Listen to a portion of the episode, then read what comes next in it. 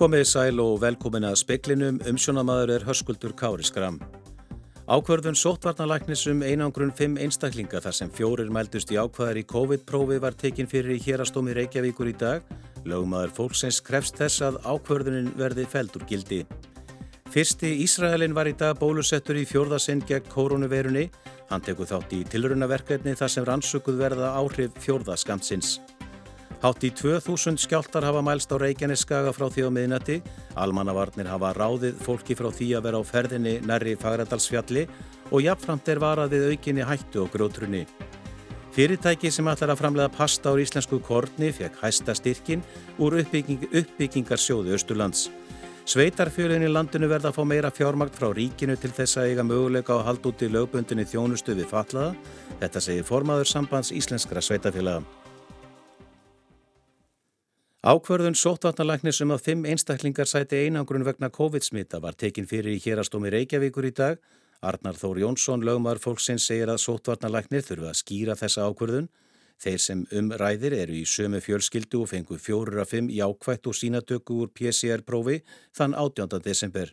Þrátt fyrir að einangrun fólksins ljúki á morgun, segir Arnar mikilvægt að fá skorið úr þessu álitamáli og ég krefst þess fyrir þeirra hand að þessu verði aflétt og vísa til þess að það eru hérna dómar erlendis frá, dómsúrskurði sem að hafa sko, frá, eða, komist að þeirri niðurstu að, að þetta hefði ekki verið PCR-prófið ekki áræðanleg og auk þess vísa í terransónum það að þeir sem eru sagt uh, uh, einnkjörna lausir smiti ekki. Segir Arnathór Jónsson, nánar verður fjallaði um málið í frettum sjónvarps klukkan sjö. Til skoðunar er að fjölga sínatökustöðum á höfuborgarsvæðinu og breyta fyrirkommalagi til að koma í veg fyrir að veikt fólk hýrist út í kulda áður en það kemst í sínatöku. Margir fór í engina sínatöku á Suðurlandsbröyti yfir hátíðirnar og þurftu að býða lengi utan dyrra til að koma stað. Óskar Reykdalsson er fórstjóri heilsugjæslu höfuborgarsvæðisins.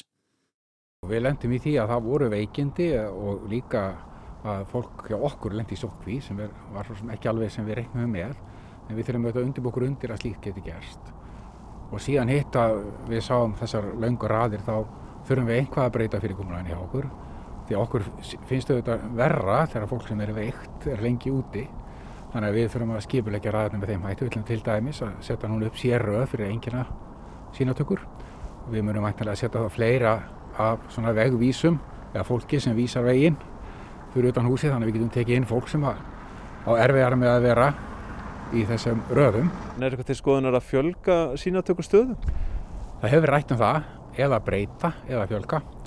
En það eru staðir sem komandi greina og við höfum verið í samskiptum við lögurluna til dæmis og í samskiptum við uh, svona fyrirtæki sem eiga stór, stór hús um borgina. Það kemur vel til greina. Hvaða hús eru að tala um í því sami? Ég veit nú ekki hvort ég get minnst á það núna en það eru nokkur hús sem komandi greina. Sagði Óskar Reykdalsson, Bjarni Rúnarsson rætti við hann.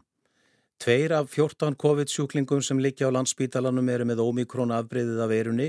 Hvorugu þeirra er á gjörgæslu sangkvæmt svari spítalans við fyrirspunt fréttastofu. Alls eru fimm á gjörgæslu með veiruna, þrýr þeirra eru í öndunavél. Heimsóknabann er á landsspítala til hádegis á gamlastag. Ísraelskur heilbreyðistarsmaður varði í dag fyrstur til að fá fjórða bólöfnaskamtinn gegn koronavirunni. Heilbreyðisöðvöld hafa heimilað tilrunaverkefni þar sem áhrif fjörða skamsins verðar ansökuð. Tilraunin fer fram á Sjepa sjúkrahúsinu í borginni Ramat Gan skamt frá Tel Aviv. 150 starfsmenn sjúkrahúsins taka þátt í tilrauninni. Talsmaður þess segir að markmiði sé meðal annars að kanna hvort þörf sé á fjörðaskamtinum eða öðrum örfunarskamtinum. Sérfræðingar átt heilbyrðisráðuneytisins mælti í síðustu viku með því að Ísrael er því fyrsta landið í heiminum sem byði upp á fjörðu bólusetninguna gegn koronaveirunni. Hugmyndin er að bjóðana þeim sem eru orðnir 60 og eldri eru með skerta ónæmissvörun eða vinna í heilbyrðisgeiranum.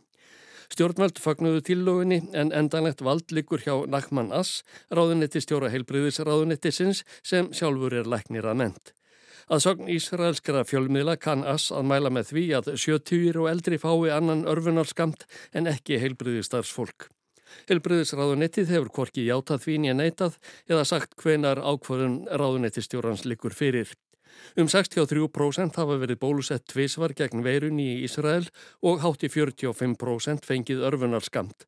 Omikron afbreyði veirunar er tekið að herja þar í landi. Hátti 2000 omikron smitt hafa verið greint til þessa. Ásker Tómasson sagði frá.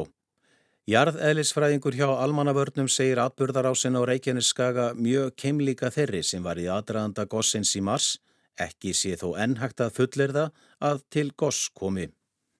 Hátt í 2000 skjáltar hafa mælst á Reykjaneskaga frá því á miðnætti. Vísindaráð almannavarna hittist á fjarfundi sítiðis til að fara yfir þróunina. Björn Oddsson, jarðeðlisfræðingur hjá almannavörnum, segir skjáltana vera í þremur þyrpingum yfir kvikuganginum, norðan megin við Grindavík og norðvestan megin við Kleifarvatt en þar séu svokallegir gikkskjáltar. Björn segir atbyrðarásinni svipa mjög til þeirrar sem var fyrir gósið í mass. En þessi atbyrðarás þarf að segja að við fáum berri skjálta yfir ganginum, aflögun sem við mælum á, á ketiðstækjum. Hún er keimlík þeirri atbyrðarás sem var í gangi fyrir elgósið 19. mars. Þannig að staðan eh, hvort að verði elgósið ekki hefur ekki breyst. Við erum eh, bara tilbúin að taka móti því ef það kemur og, og þá verður fyrsta verkefni þar að staðsetja eh, hvar hugsalega gós kemur upp og meta svo á þetta nútrústing. Miklar líkur eru að kvika komi upp á svipuðum slóðum og síðast en ekki sé hægt að segja til um nákvæma staðsetningu komi til goss. Nú sé því mikilvægt að sína aðgæslu í grend við góðstöðunar. Almannavarnir ráða fólki frá því að ferðast um skilgreynd áhættu svæði nærri fagrætalsfjalli og veðustofan varar við aukinni hættu á grótrunni vegna jærskeltarhinnunar. Fjöldi fólks varu fagrætalsfjalli í dag einhverstaðar innan þessu svæðis þar sem að kvikan er á hreyfingu og, og það nær svona yfir svæði frá, frá náttaga og, og kannski allt að keili og, og það er óheflegt að vera með mikinn mannfjölda á svæðinu ef við vitum ekki hvar eldkost kemur upp og hvernig á síðan að bregðast því. Þetta var Björn Oddsson, Katrín Marja Tímonen talaði við hann.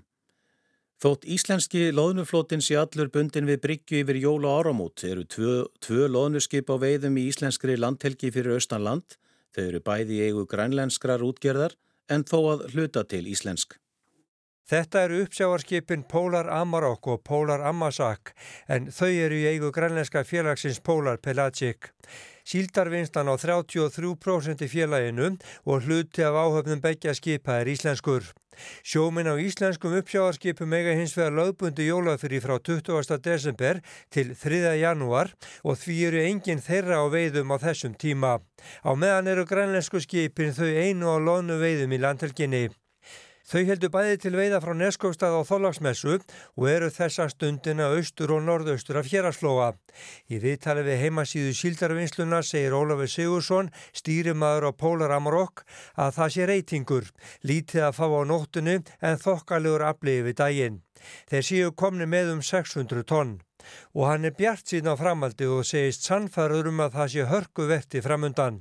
Gaman verða að fylgjast með þegar allur flotin komi til veiða eftir áramótin og þá verða hægt að leita almennilega á stærra sveiði.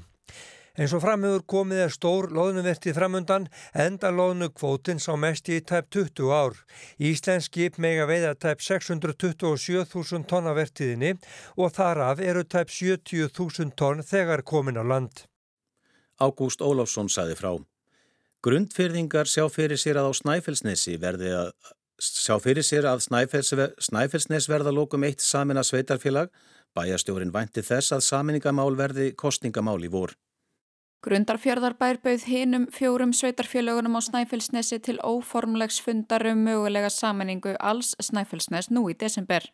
Grundarfjörðarbær er eina sveitarfélagi á Snæfellsnesi sem er ekki í formlegum samanningaviðræðum.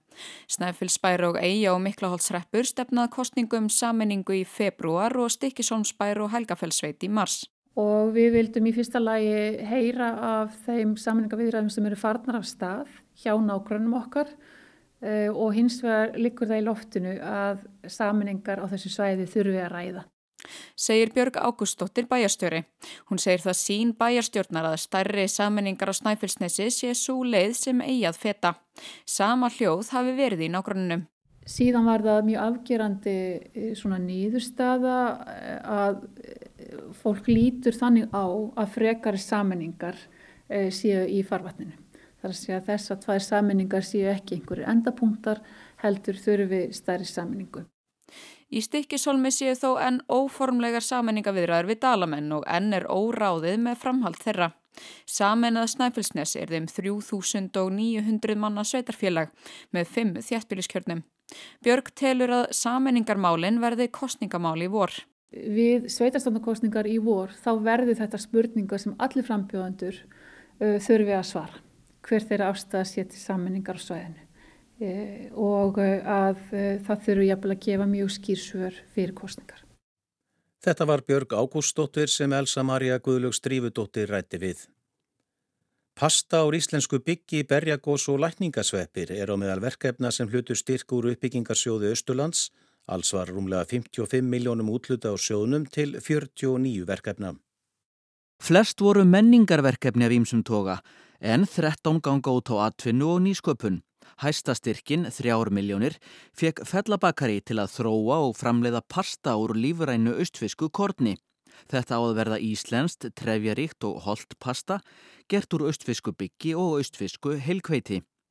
Þá fekk fyrirtækið Blábjörg á borgarfyrir eistra eina miljón til að þróa og undirbúa framleiðslu á góstrykkjum úr jörtum og berjum og koma upp framleiðslu línu sem er sjálfbær og umhverfisvæn.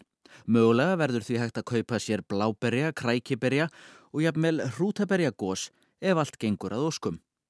Einnig má nefna fyrirtækið Austan Eden í hólsjálegu í Hjaltastaðaþinká en það ætlar að setja upp svepparæktun og framleiða sælkjera matsveppi. Einnig er hort til lækningarsveppa og vinslu bætefna úr sveppum. Sköpunarmiðstöðun og stöðarfyrði fekk líka styrki, meðal annars til ráftækja framleiðslunar Atomic Analog sem þar er starfrækt. Þar er hannaður og settur saman hljóðbúnaður til tónlistariðkunar og upptöku. Rafeindaverkfræðingurinn Vincent Wood hefur þróað þrenskonartæki þar á meðal sérstakann hágæða lampamagnara fyrir söng sem tilstendur að framleiða. Rúnar Snær Reynisson saði frá.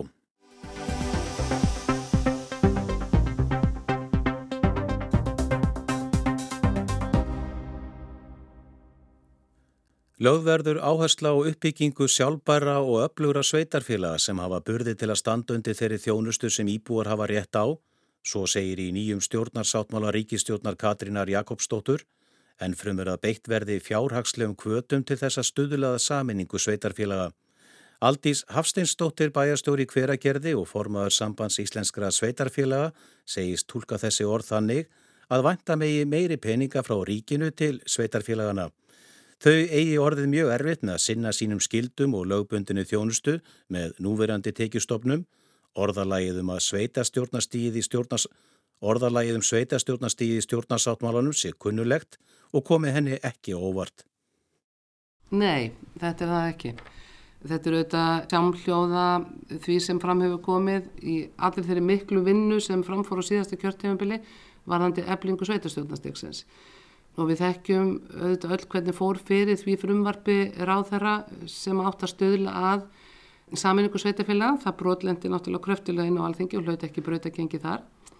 Þannig að ég ætla að velja að lesa þessa setningu þannig að það sé þarna að vera að vísa til þess að það þurfi aukna og meiri tekjustofna til sveitafélaga til að standa ströym af þeim kostnaði sem fælst í verkefnum sem verða sífælt starri, sífælt kostnaði meiri oftast nær vegna lagasetningar frá alþingi. En hvað viljið það gert sér? Við höfum komið með ymsar tilugur, við það er núna, eru í gangi mjög viðamiklar endurskoðanir á fjárhanslega umhverju sveitafélaga. Það er starfshópur í gangi sem er að skoða til dæmis málefni fallast fólks og hvort að við sveitafélagin hafi fengið nægilega fjármunni með þeim málaflokki til að standa ströyma af þeim lagaskildum sem að núna eru orðnar á sveitafélagum okkar tilfinningu svo að það er hallið verulega á. Og þannig að það muni jafnvel mörgum miljörðum og ég þreytist ekki á að tala sérstaklega þar um málefnu batna með sérstakar þarfir. Uh, þar sem að fyrir nokkrum árum uh, batnavendastofa rak á vegum ríkisins úrræði fyrir þessi börn sem að sveitafjölu þurftu þá ekki að greiða. En núna hefur þessum úrræðum flestum verið lokað og sveitafjölun eru nú að nýta enga reikin úrræði sem að kosta mjög mikla fjármunni og við verðum með einhverjum hætti að fá viðurkenningu á því að þessi hópur einstaklega var skilin eftir við yfirfæsluna. Alveg eins og við verðum að fá viðurkenningu á því að ef það á að lögfesta samning saminuð þjóðanum málefni fallast fólks eins og bóðað er í ríkistjórnarsáttmálunum þá mun það kosta verulega fjármun og þeir fjármunir verða að koma frá ríki til sveitafélaga. Þannig að það gengur auðvitað ekki að eh, alþingismenn geti slegið sér til rittara með ímiskóð frumvörp sem að valda sveitarfjöluðurum kostnarauka á hinnum ymsu sviðum sem við fáum ekki bætt. Þannig að þetta verður megin verkefnið gagvart þessum nýja stjórnarsáttmála það er að, að sjá til þess að sveitarfjölun séu sjálfbær að þau geti staði ströma þeim kostnaði sem fælst í verkefnum sem okkur eru falin og það gerum við ekki öruvísi með góður samtal við ríkið og auknum fjármunum frá ríkið sveitafjöla. Eins og staðin núna geta sveitafjölugin sinn sínum lögbundnu verkefnum við reykið grunnskóla við reykið þjónustuði fallaða. Við gerum það en við gerum það kannski ekki með þeim hætti sem við helst hefðum viljað óska. Til dæmis svo ég taki aftur málefnum fallars fólks. Við erum með byggðlista vitt og breytt um landið eftir búsitúrraðum. Við höfum enga burði til að eh, stopna búsitúrraði eða auka þjónustu innan þess ramma sem okkur er skamtaður fjárhanslega. Því meður okkur langar til að gera svo mikið betur og ég ætla að ítreka það. Ég, sko það er okkar skoðun að málefnum fallars fólks er miklu betur komið hjá sveitafélagunum. Af því að þetta er nærþjónusta. Við vitum hvað skóin krepir, við vitum hvað þarf að gera betur en til þess að það sé hægt þá verðum við að fá meiri fjármunni frá ríkjunu því að öðrum kosti þá erum við auðvitað að sjá það að við erum að fara að skera við nögl allstaðar, annarstaðar og nú er ég ekki bara að vísa í málefnum fallasfólks til þess að geta bara sendt almennu viðhaldi húsegna til þess að geta sendt bara viðhaldi gatnakerfi síns, gödulýsingar og ímislegs þá erum við að skera niður, við erum að draga saman.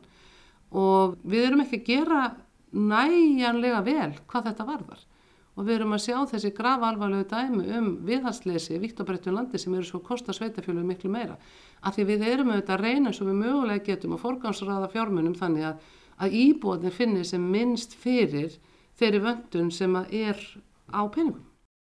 Sagði Aldís Hafsteinsdóttir í samtali við Kristján Sigur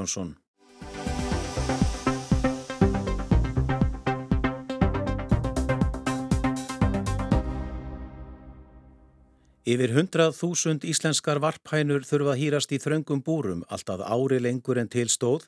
Árið 2015 var festi í reglugerð að búrin skildu afnuminn núna um áramótin. Bændur segja að skipulagsflækjur og heimsfaraldur hafi tafið framkvæmdir og landbúnaðaraðanitið hefur veit, því veitt þeim viðbóta frest til eins ást til að koma öllum sínum hænum í lausagöngu. Formaður félags ekkjabænda segir að á næsta ári verði þetta klárað Dýralagnir hjá matvælastofnun segir að afnám búrana sé skrefi rétta átt, hænum líði þó ekkert endilega vel í lausagöngu.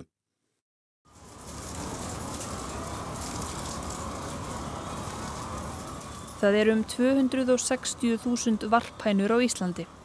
Í upphafi árs voru eggjaframleðendur 12 talsins og hænur haldnar í 37 varphúsum viðum land. Af þeim eru núna í dag ennþá 15 varphús með búrum af því sem matvælastofnum best veit. Og samkvæmt þessum tölum eru ennþá um 40% varphæn í dag haldnar í heftbundnum búrum. Segir Brigitte Brugger sérgreina dýraleknir hjá matvælastofnun sem hefur eftirlit með heilbreyðu og velferð alifugla. Það er því enn hlutskipti 104.000 varphæna á Íslandi að búa í búri með þremur öðrum hænum, búrunum er staplað hverju ofan á annað og hver hæna er með pláss á við eitt að fjögurblað. Á sumum búum eru bæði haldnar búrhænur og lausagönguhænur en á sex minni búum hafa hænurnar engungu verði í búrum. Brigitt segir að það sé vandasamt verk að innrétta lausagönguhús. Einhverjir hafi þurft að byggja ný hús því þau gömlu hafi ekki verið nógu há. Kristján Þór Júliusson, fyrirverandi landbúnaðar á þeirra, varði í byrjun november við Ósk ekkjabænda um að breyta reglugerðum velferð alifugla og veita einsás viðbótar frest til að afnema búrhænuhaldið. Í stað þessa búrin verði farin fyrir 1. janúar næstkomandi hafa bændur nú frest út næsta ár. Búrin verða þá bönnu frá 1. janúar 2023 líklega að okkur skilst vegna þess að bændur réðu ekkert við það að breyti tæka tíð. Í svari ráðuneytisins við fyrirsputt speilsins segir að félag eggjabænda hafi óskað eftir frestinum vegna tafa sem orðið hafi á byggingu nýra húsa eða breytinga á þeim eldri. Stefán Már Símonarsson, formaður félags eggjabænda og framkvæmdastjóri Nesbús eggja, annars stærsta eggjabús landsins, skrifar tafirnar á COVID og skipulagsmál.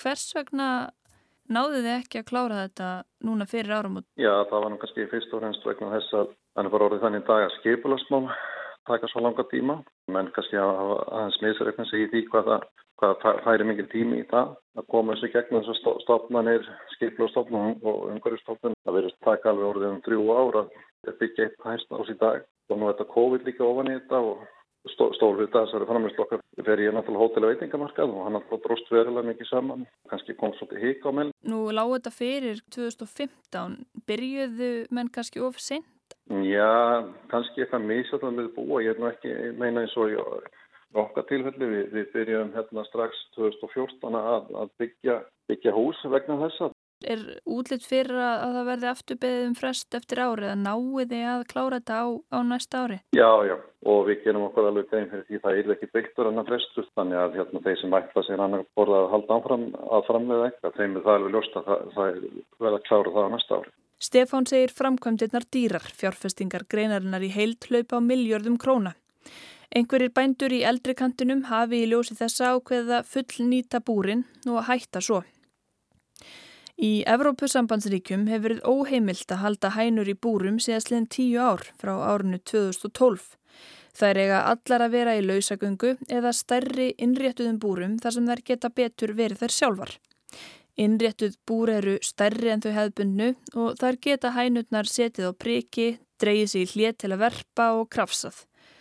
Þau hafa ekki verið nótu hér, bændur hafa valið lausagönguna í staðin Brigitt segir enda að líklega séu þessi búr líka á útleiði í Evrópu. Eggjabændur í Evrópu fengu 13 ár til að aðlaðast þessum breytingum. Reglugerð byggð á Evróputilskipun um velferð alifjókla tók gildi hér árið 2015. Bændur hér hafa því haft minni tíma eða 7 ár.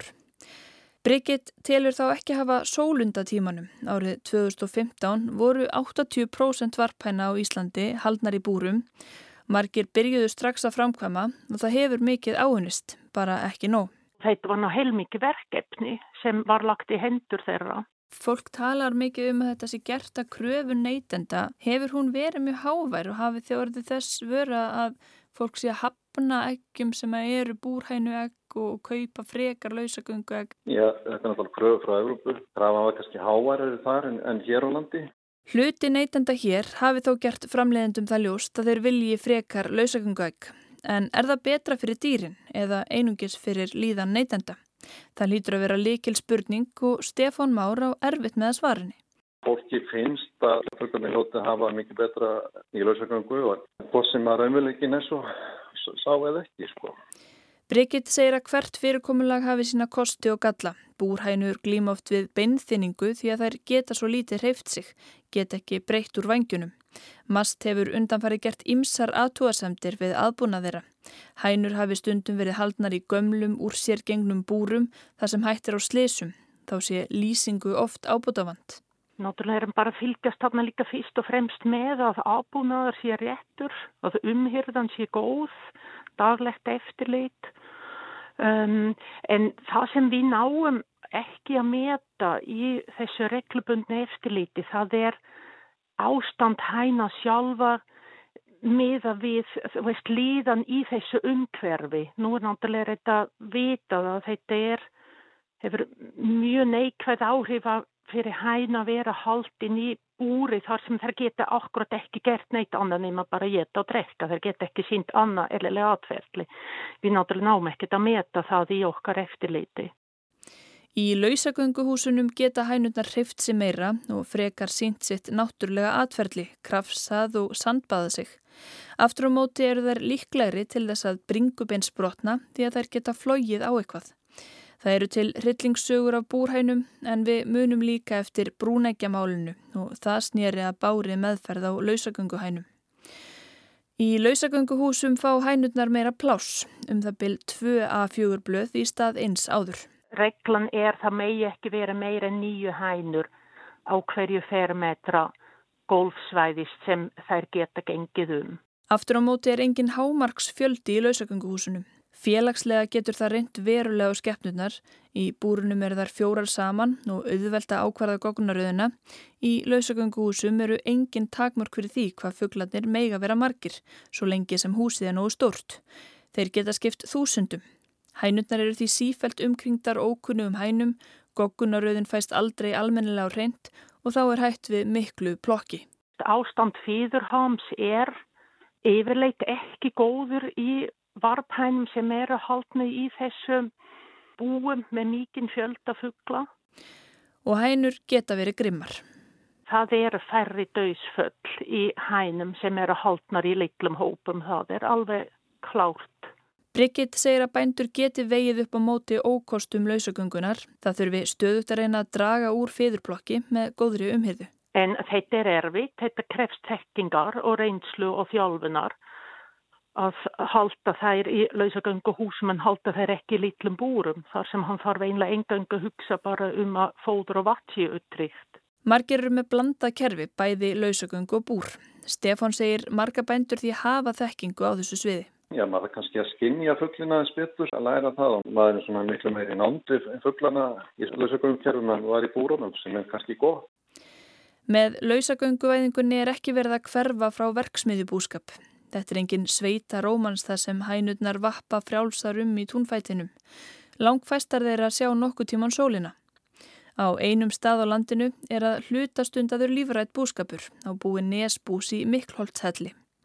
Þar fá hænurnar að fara út í það minnsta einn þriðja líftíma síns og þjættleikin í húsunum með minni, sex hænur á fermetra í stað nýju. Fyrir þessa auknu velferð borga neytendur um 5-13 krónum meira á hvert egg samanborið við lausagöngu egg en um 23 krónum meira en fyrir búrhænu egg sem sjálfnast eru þó skráð sem slík.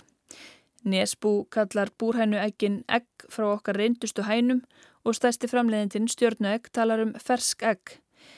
Ef hænurnar eru í lausagöngu er það yfirleitt tekið fram á bakkanum. En hvernig verður þróunin til framtíðar? Er lausagangan loka áfangi eða skrefi átt að frekara hænsna frelsi á næstu árum? Stefán segir að líklega verði aukin áhersla á að leipa dýrunum út. Það sé þróunin í nágrunarlöndunum og í Danmörku sé hlutdeild lífræðnar framleyslu orðinum 30%. Líklega verði þróunin í sömu átt hér næstu áratugina. En þetta tekur þetta svolítið tíma. Þannig að það geta alveg verið í framtíðin að það væri kannski svona 10, 20, já, 10 ár pluss og það er svona eitt þriðja framhengslu sem væri í, í lífröndin framhengslu og hefði aðgangu út í sig. Þetta mun koma í ljós hvernig þetta heldur áfram. Það er krafa um að framleiða mat, það er líka krafa neytenda um að maturinn sé ekki óstýr og hann hefur áhrif á velferð dýra, það er þannig. Sagði Brigitte Brugger, Arnhildur Haldanadóttir rætti við hanna og Stefán Má Símonasson. Spáð er vaksandi norðaustanátt á morgun 10-20 metrum síðdeis, kvassast á sunnanverðum östfjörðum, snjó koma með köplum en samfeldari ofan koma norðaustan til, að mestu bjart á Suðurlandi, frost 0-12 stig, kaldast í einsveitum. Og það var meðal efnis í speklinum að ákverðun sótvarnalagnis um einangrun 5 einstaklinga var tekin fyrir hér að stómi Reykjavíkur í dag Lögmaður fólksins krefst þess að ákverðunin verði feldur gildi. Fyrsti Ísraelin var í dag bólusettur í fjórðasinn gegn koronaveirunni. Hann tekur þátt í tilurunaverkefni þar sem rannsökuð verða áhrif fjórðaskamtsins. Hátt í 2000 skjáltar hafa mælst á Reykjaneskaga frá því á miðnatti. Almannavarnir hafa ráðið fólki frá því að vera á ferðinni nærri Fagradalsfjalli. Fleira er ekki í speklinum, tæknum að það var Jón Þór Helgason, verðið sæl.